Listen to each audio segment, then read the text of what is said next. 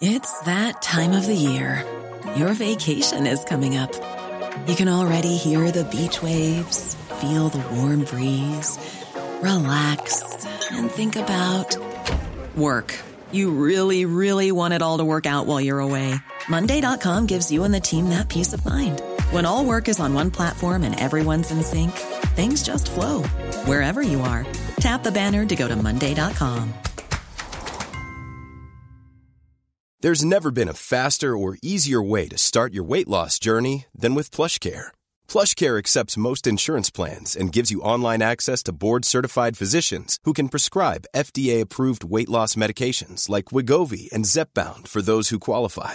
Take charge of your health and speak with a board-certified physician about a weight loss plan that's right for you. Get started today at plushcare.com slash weight loss. That's plushcare.com slash weight loss. plushcare.com slash weight loss.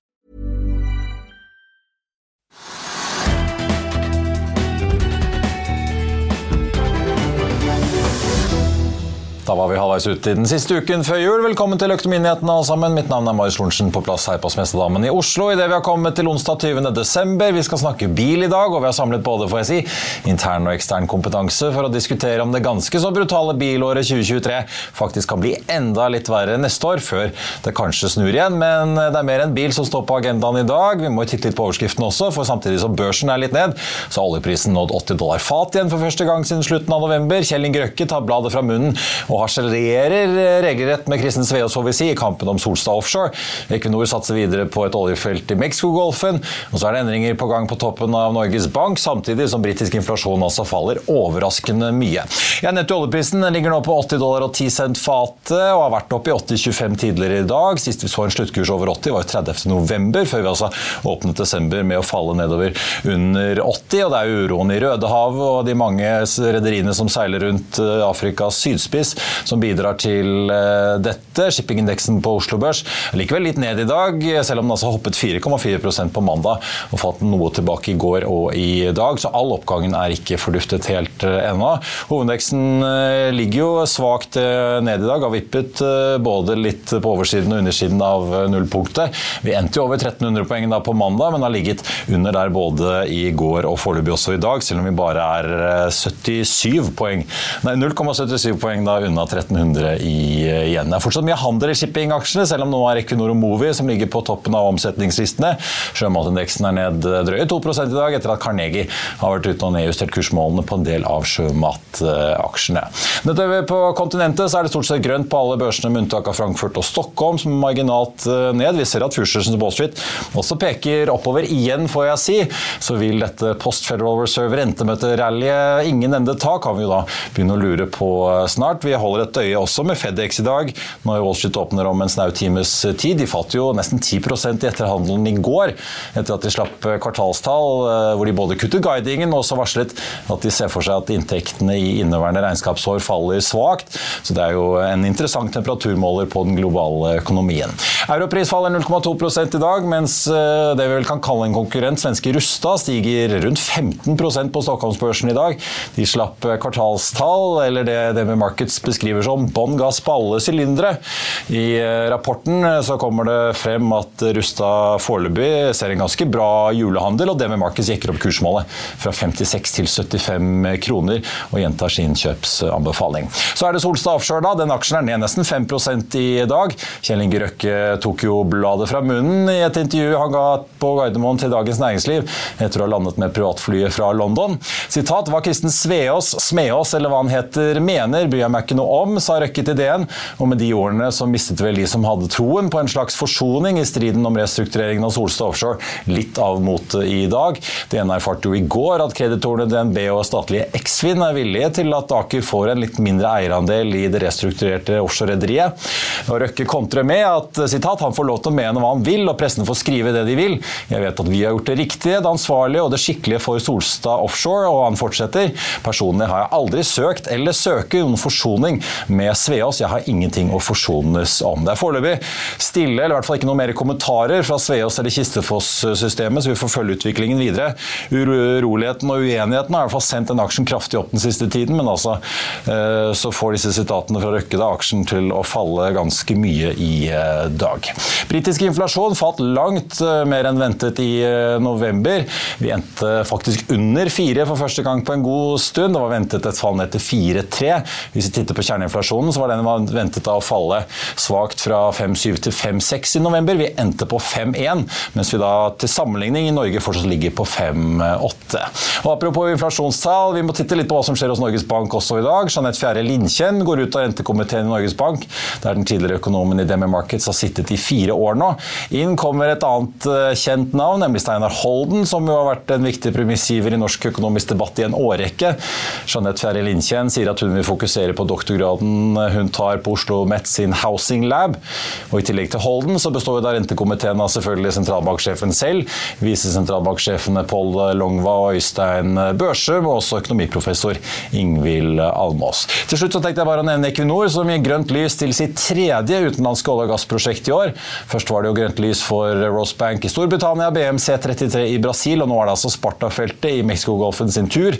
Et felt som de bygger ut med operatør Shell, og som er en blåkopi av Vito-feltet, som de to allerede har satt i gang i det samme området. Produksjonsstarten blir 2028 og bør gi Equinor en pen vekst i eh, USA. Vil du bli oppdatert på det viktigste som har skjedd innen finans og næringsliv? Da er det bare å følge med, for hver morgen er jeg, Marius Lorentzen og aksjekommentator Karl Johan Malnes på plass i studio for å ta tempen på dagens marked i Børsmorgen. Og hver ettermiddag oppsummerer vi alt du trenger å vite i økonominyhetene, og det blir selvfølgelig masse interessante gjester. Klikk deg inn på fa.no-tv, eller søk opp Børsmorgen og Økonominyhetene der du hører på podkast.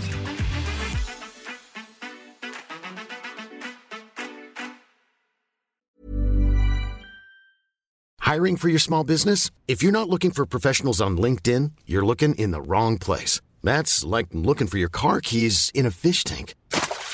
LinkedIn helps you hire professionals you can't find anywhere else, even those who aren't actively searching for a new job but might be open to the perfect role. In a given month, over 70% of LinkedIn users don't even visit other leading job sites. So start looking in the right place. With LinkedIn, you can hire professionals like a professional. Post your free job on linkedin.com slash people today.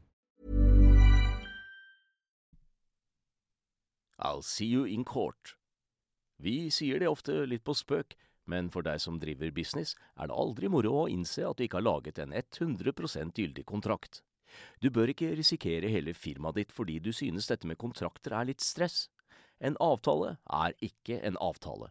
Du kan miste kunder, miste venner, ja, til og med miste inntekter om du ikke lager en skikkelig kontrakt, på alt mulig, egentlig. Men vi vet det er et styr kopimaskiner, tregprinter og haugevis av papir. Dessuten stoler vi jo på folk her i landet.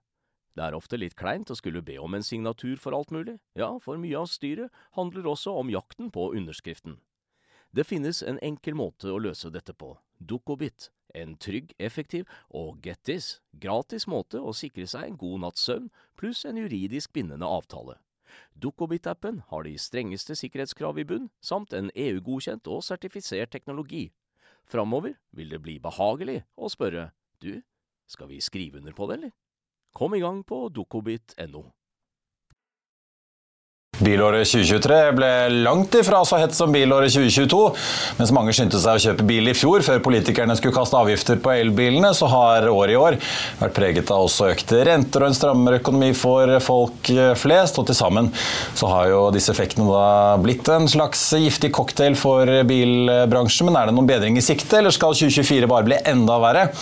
Like før jul så har vi fått noen tall som kanskje kan tyde på det siste, dessverre. Og for å ta for oss bilåret 2023 og 2024 2024 så har jeg fått med meg Håkon Sæbø, programleder i FA Motor. Håkon, Vi pleier å snakke bil her innimellom på fredagene, så vi har også bedt om litt påfyll i dag. Får vi jo si. Øyvind Thorsen i eh, OFL, Opplysningskontoret for veitrafikken som det også heter. Velkommen. Takk. Skal vi begynne Håkon, med 2023, da? Hva ender bilsalget på i år, dere som sitter med de ordentlige tallene i OFL? Vet vi det nå? Eh, ikke helt, men nesten. Eh, det er jo sånn at eh, hittil så ligger vi på 121 000 drøyt. Det er noen dager igjen, eh, men registreringstakten er ganske lav. Eh, særlig hvis vi sammenligner med desember i fjor, som var helt eh, bonanza. Ja, for da kom alle disse på si, avgiftsbilene som skulle dyttes over grensen. Ja, ja, og vel så det. For det var mange biler som, som folk hadde ventet på veldig veldig lenge, og som bilprodusentene ikke hadde greid å produsere, rett og slett. Men så hadde de fått i gang fabrikkene sine og kunne levere, og det var heller ikke noe problem med å få frakta bilene til Norge Norge, og da eh, bretta alle opp ermene og kjørte på. Eh, jeg tror det var noen som var ganske slitne på nyttårsaften, altså. Eh, så det ble nok ikke veldig mye feiring sånn fysisk fordi de var utslitte, men de kunne jo sprette champagne med god samvittighet i fjor. 39 000 biler i desember. Det ja. får vi ikke nå. Nei, Så det er ikke sånn du nærmer deg 150 liksom nå? Du ender på 120 et eller annet sted? da, kanskje? Ja, det ja. gjør vi. Jeg tror et eller annet sted mellom 125 125 og 130, kanskje nærmere 125. Hva kan vi si er et normalår, da? Rundt 150 eh, er vel et eh, helt ok år, er det ikke det? Jo, det er det. det har, uh, før vi fikk liksom disse bonanza-årene, både 2021 og 2022, uh, så var det rundt 150. Altså nede på 140-tallet, litt oppe på 150. Ja. Mm. Håkan, jeg nevnte jo litt uh, de faktorene som har drevet først liksom, bilåret 2022 opp, og så 2023 ned. Ja. Du var på besøk hos Møller her om dagen, og de begynte å snakke om hva de tror om neste år. Ja, det er jo veldig interessant. Det var eh, Ulf Tore Hekneby, som er administrerende direktør i Harald og Møller, importørleddet som har uh, alle disse bilmerkene vi kjenner. Det er jo Norges største importør. De sier 100 000 biler neste år. 100 000, ja. Mm. Hva tror dere i OFA? Kan det, ja, eller Kommer dere med prognoser? Ja da, vi har, vi har, kommet med prognosen vår. Vi har en prognosemodell som eh, tar hensyn til bilsalget helt tilbake til 2004 hver måned. Eh, fordelt også fylkesvis. Eh, og så bygger vi det opp fra bunnen og kommer fram til ganske god treffprosent, egentlig. Men jeg er litt usikker på hva som kommer til å skje med prognosen for neste år, for den sier faktisk 130 000 biler. At, at vi skal faktisk øke litt, ja? ja. Marginalt, da, i hvert fall. Ja, ja. marginalt. Ja, den sa 129 000 i år. Eh, nå, eh, den eh, modellen vi kjørte nå eh, etter tredje kvartal. Men eh, den er nok litt optimistisk. Eh, se, vi har også i modellen tatt hensyn til rentebanen til Norges Bank. Ja, for jeg skulle til å si, du, du kan ikke bare se på Nei. data fra bilmarkedet, du må vel se på litt eksterne faktorer? Ja, og en sånn. Prognose? Ja da, det er riktig det. Men det store spørsmålet blir jo da, tar den modellen høyde for avgiftsendringer? Man skulle jo tro nå at det vil bli registrert litt ladbare hybrider, i hvert fall fra de aktørene som liker å ha litt volum, Toyota, nå før jul, i og med at de bilene blir eh, en god del dyrere neste år. Mm. Ja, det er riktig. Og vi ser det av statistikken også. Det er levert ut flere enn det eh, man har levert ut tidligere i år. I de siste to månedene etter at eh, statsbudsjettforslaget ble kjent. Men det er ikke noe bonanza sånn som vi hadde i 2006.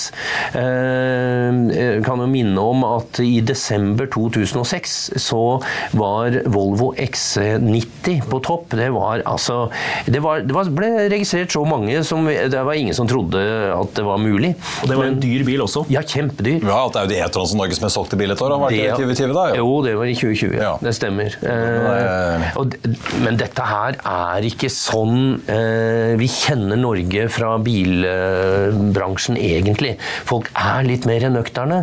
Men fordi det har vært gratis penger, eller så godt som, og det har vært lett å låne på hus og hytte og alt mulig rart, så har man altså brukt penger over evne på Og not anymore, men hva er det Møller legger i når de da kommer med 100? Nei, det er jo det at eh, det skal selges eh, mye færre biler da, enn det vi har sett i 2021 og 2022. Vi har et helt annet uh, system. Det interessante i det er jo det med avgifter. Hva skjer i 2025? Altså, vil vi få noen overraskelser? Kan det bli enda mer elbilmoms? Kan man øke denne vektkomponenten? At det vil lønne seg? Men at vi ser slik det har vært i, i 2022, det tviler jeg veldig på. Ja, Men at byråkratene i Finansdepartementet implisitt kan gi en boost til salget da mot slutten av neste år, fordi folk igjen da ønsker å rekke å få seg bil før uh, nye avgiftsregler eventuelt trer i kraft? Ja, det er sannsynlig. Uh, nå er det klart at uh, man har et grep man kan bruke også revidert nasjonalbudsjett og komme med antydninger om hva som kommer av endringer på avgifter. Jeg ville tro, og jeg håper egentlig, at de gjør det i forhold til hva som skjer med moms på elbil. Fordi vi har jo bare fritak ut 2024 fra ESA. Eh, og de må jo da enten søke på nytt, gjøre noe for å få forlengelse. Det blir veldig spennende med målsetningen om at alle biler skal være elbiler i 2025. Og samtidig gjøre det dyrere og vanskeligere for folk. Mm. Og så er det de siste, den sene majoritet, som er vanskeligst å omvende. Men eh, hva tror eh, dere om avgiften i 2025, da? For hvis, la oss si at det blir en, vi får indikasjoner om at det blir en, en god avgiftsøkning, mm. så vil jo de som kan kan kjøpe en bil i 2024, og som ikke nødvendigvis er så preget av rentenivåer og mm. eiendomspriser, faktisk ville gå ut og sikre seg en, en, en, kanskje en av de litt dyrere bilene. F.eks.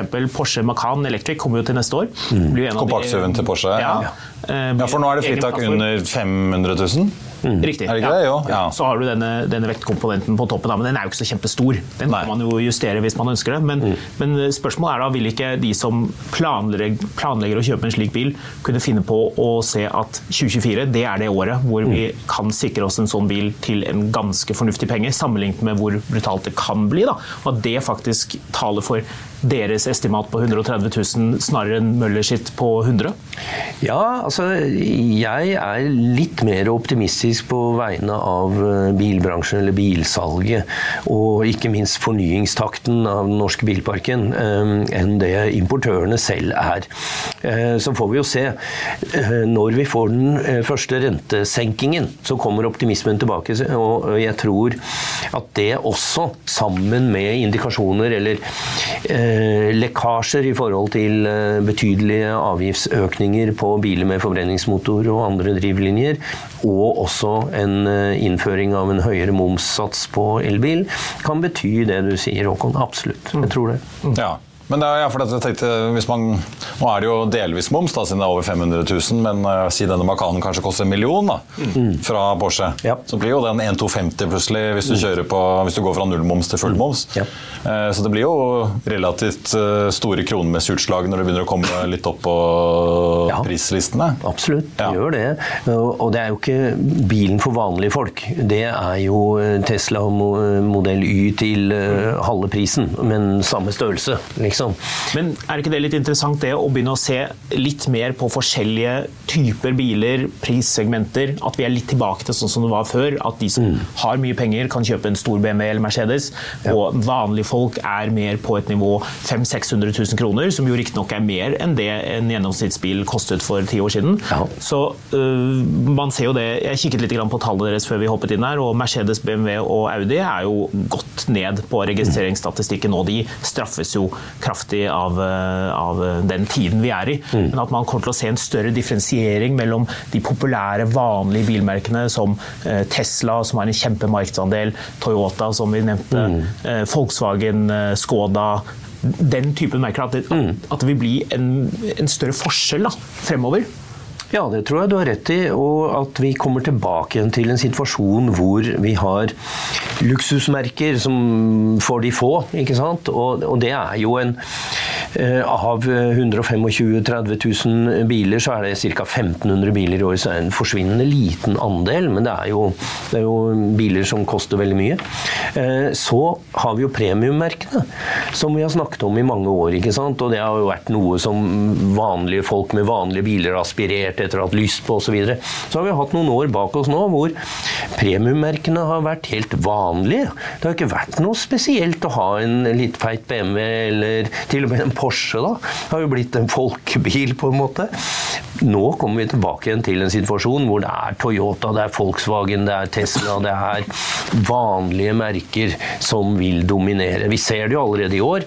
Vi ser det veldig tydelig i år i ja. forhold til 2022 og 2021. Ja, for Tesla litt som Håkon var inne på, har vært helt dominerende på statistikken. Mm. Eh, du nevnte jo 2025, men er det noe særlig fossilt igjen å ta av, annet enn en eller annen litt eh, kuriøs Audi-shopper som skal ha seg en RS6 eller en bensindrevet bensindrevet BMW X7 eller en Porsche eller noe sånt. Er det noe i det hele tatt for politikerne å ta av, av hybrid bensin- og dieselsalg i 2025, tror du? Jeg ser jo at liksom RAV4 plug-in hybrid sånn, en del sånne biler har jo holdt seg ganske godt på statistikken, selv om det er veldig mye elbil på toppen. Ja. Eh, det er et marked og det er en etterspørsel etter biler med tradisjonelle drivlinjer eller med hybridløsninger. Eh, norske politikere, særlig med eh, de røde partiene, eller rød-grønne partiene i spissen, ønsker jo at det ikke skal være sånn. De skal jo for enhver pris, virker det som, gå etter el- og nullutslipp. Selv om finansministeren kjører Amarak? Ja, det er jo en, en liten morsomhet. Men eh, det er flere i bransjen som også tar til orde for at eh, vi må tenke på de som ikke kan foreta den overgangen.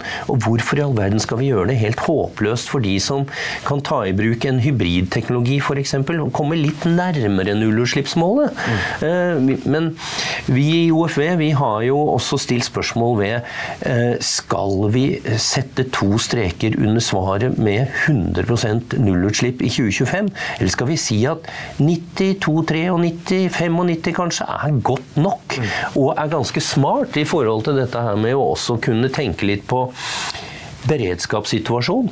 Hva om eh, Putin slår ut all strømforsyning i Norge, og vi må evakuere raskt, og bilene går tom for strøm? Hva da?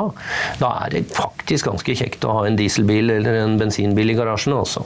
Men Du nevnte jo altså, norske mindre måtte søke ESA om å ha dette momsfritaket på elbiler. Vet vi om de får lov til å innføre et blankt forbud i 2025, ti år før alle de andre? Nei, det får de ikke. Nei. Nei, det tror jeg ikke. Så de må bare gjøre det så dyrt eventuelt at det Ja, og det er jo heller ikke flertall for det. Nei. Så, så, det blir jo ikke det. Vi vet jo at det kommer til å bli importert uh, biler mm. med bensin- og dieselmotor i uh, 2025. Det er jo ingenting som faktisk tyder på noe annet. Men som du sier, og det er jeg veldig enig i, og mange kilder jeg har snakket med sier akkurat det, at uh, 90% 95 er ekstremt bra. Og mm. hva er egentlig resten?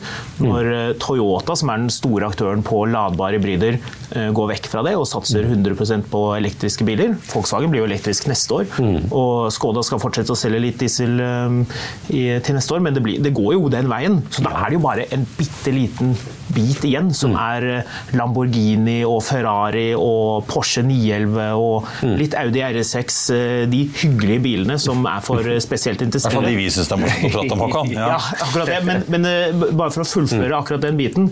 Jeg har jo snakket litt med forskjellige importører om dette her, hva det er man tror kommer til å skje. Jeg kan høre hva du også tenker rundt det. Men ikke at det blir noe forbud, det er veldig komplisert. Men at det kan komme kraftige avgiftsskjerpelser på den typen biler fra 2025.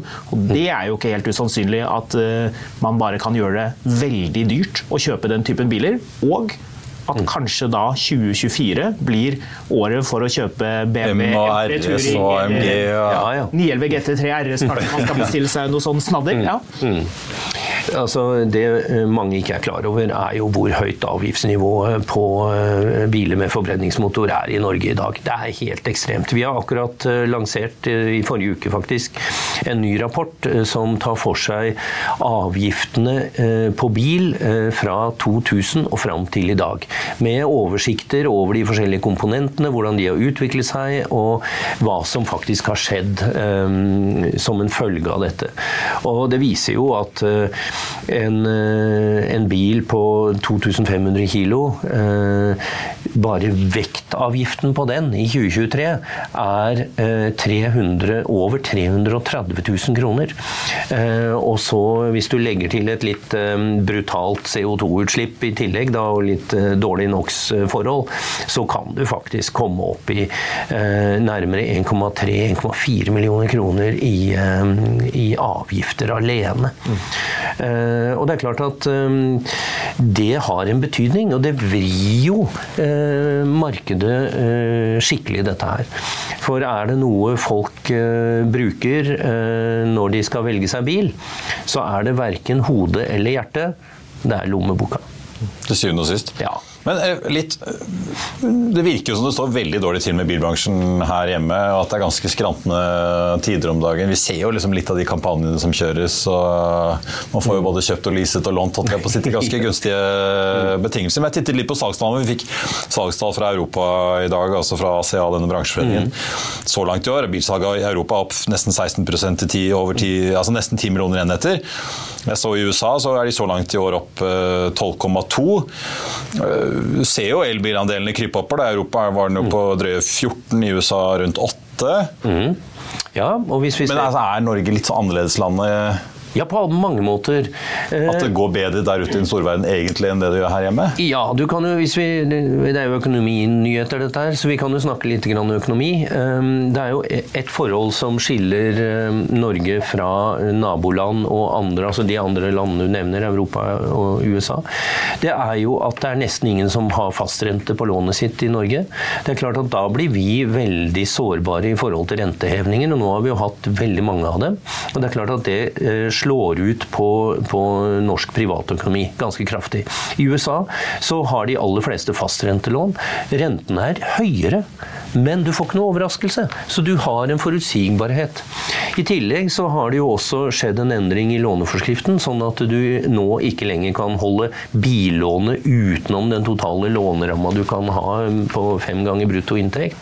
Det er klart at sånne ting spiller inn her. Det ser vi ikke i Sverige, det ser vi ikke i Danmark, det ser vi ikke i USA eller resten av Europa. Eh, vi har en høyere inflasjon som er importert pga. svak krone. Vi blir veldig prega av dette her.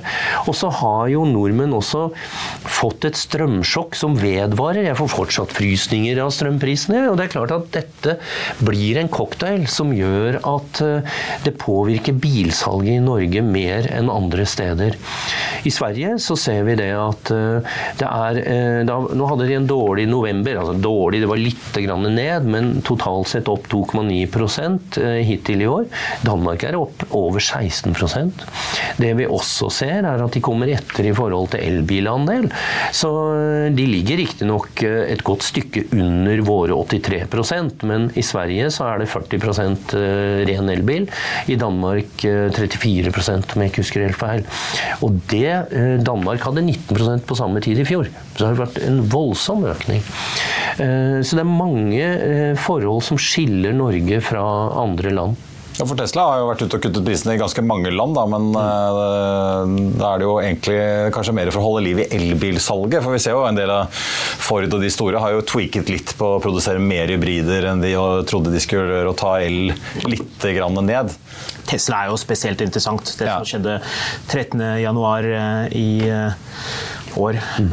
Det, det, påvirket veldig. Eh, og det var jo ikke noe som skjedde bare i Norge. Man kan jo, Hvis man har på norske mm. briller, så kunne man tenke seg at dette var et grep man gjorde her for mm. å ødelegge for andre og registrere voldsomt. Men uh, markedsandelen så langt er vel er den over 20% Ja, ja. Den er det. det er jo helt vanvittig. At én mm. aktør som uh, effektivt ja, I Norge også? Ja, i Norge. Ja, i Norge. En aktør som reelt sett selger én bilmodell. Ja. ja. for det er Tesla Model. så det, er, Model ja, ja, ja, det er den alle vil ha, og mm. de kan, kan, sitte og gjøre det. Mm. Det er jo øh, mildt sagt ergerlig for resten av bilbransjen, og det blir jo bare mer og mer tydelig at, at da de tok det grepet i januar, mm. så kom det veldig overraskende på resten av bransjen i Norge. Og man visste ikke helt hvordan man skulle reagere på det, og mm. det ble jo sånn at alle andre ble liggende bak og klø seg litt i hodet og lure på hva gjør vi nå? Mm. Skal vi svare på dette her, eller skal skal vi håpe at kundene faktisk vil ha noe annet. Og det viste seg jo at alle de aktørene som har villet ha noe volum, har måttet svare kraftig. Ja. Og det, er, og det er fortsatt sånn altså Ja, selv om dette markedet har vokst kraftig Hvis vi ser bort fra Norge, da, så, mm. altså, det å komme til 8-15% i USA og EU er jo betydelige volumer Oh, ja. når man snakker om el, men det er vel likevel sånn at det fortsatt er en bråte av modeller som skal dyttes ut i markedet som ikke har kommet. Så det er ikke sånn at liksom, den store bølgen er ferdig i den eh, utrullingen av elbiler? Nei, det Fra de store konsernene, altså? Nei, absolutt. Altså, det er mange nye elbilmodeller på vei inn til Norge og til Europa. Og det er kjempeviktig. Jeg eh, så for en liten tid tilbake at eh, Automotorsport, det store tyske bilbladet, de etterlyste når kommer den billige elbilen fra Tyskland. Og de var faktisk ganske ergerlige på at eh, Citroën klarer å få på plass en billig elbil. Ja, for I Mil etter mil har dere snakket om en del av disse Stellantis litt mindre mm. Ja. ja, Som utad i franske, da. Ja.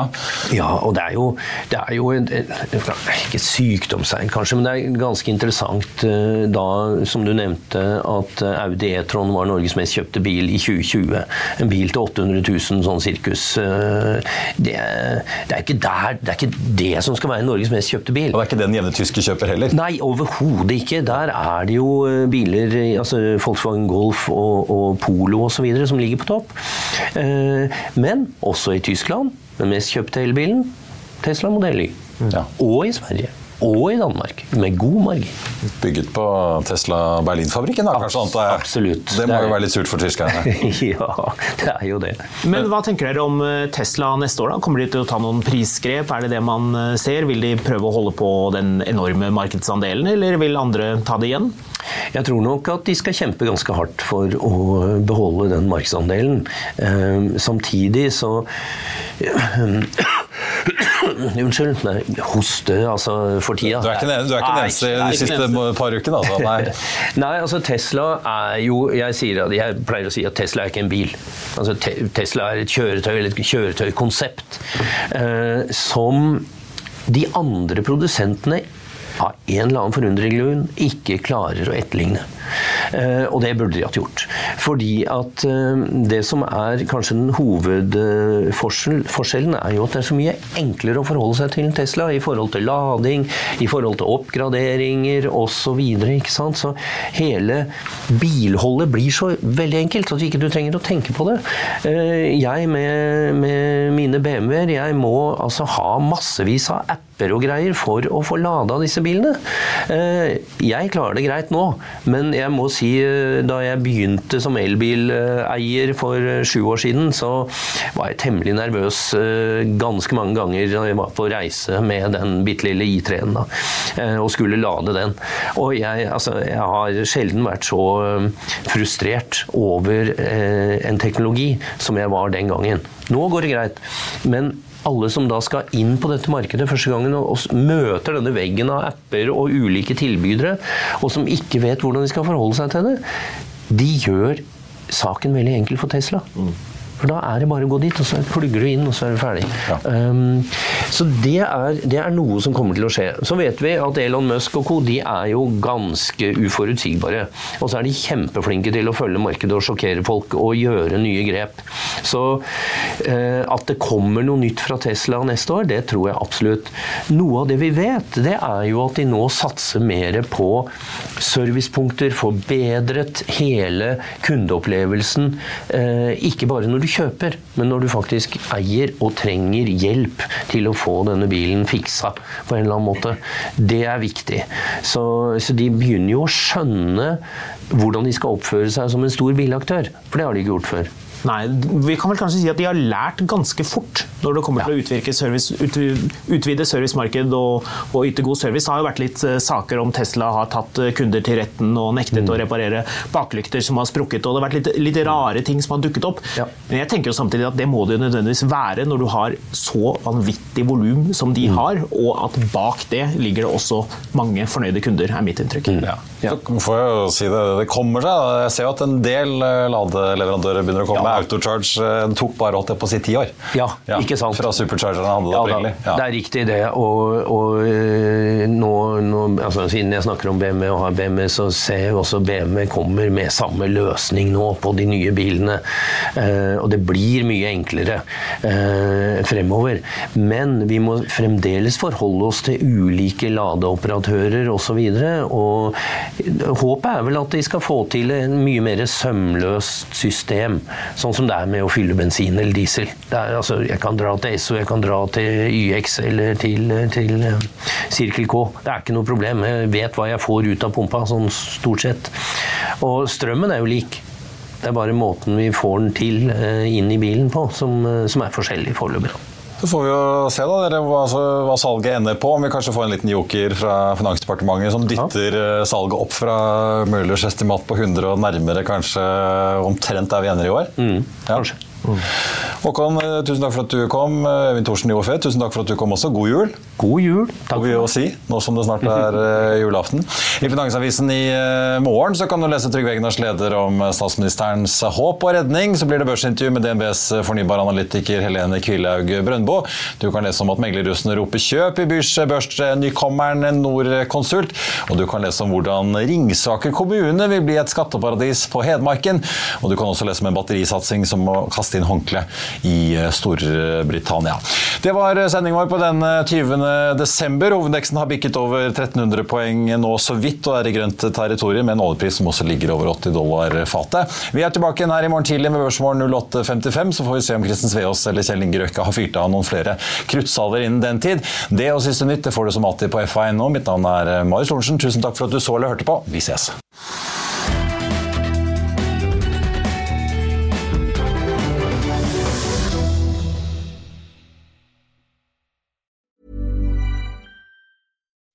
When you make decisions for your company, you look for the no brainers. If you have a lot of mailing to do, stamps.com is the ultimate no brainer. Use the stamps.com mobile app to mail everything you need to keep your business running with up to 89% off USPS and UPS. Make the same no brainer decision as over 1 million other businesses with stamps.com. Use code PROGRAM for a special offer. That's stamps.com code PROGRAM. Økonominyhetene er en podkast fra Finansavisen. Programledere er Marius Lorentzen, Stein Ove Haugen og Benedikte Storm Bamvik. Produsenter er Lars Brenden Skram og Bashar Johar. Og ansvarlig redaktør er Trygve Hegnar.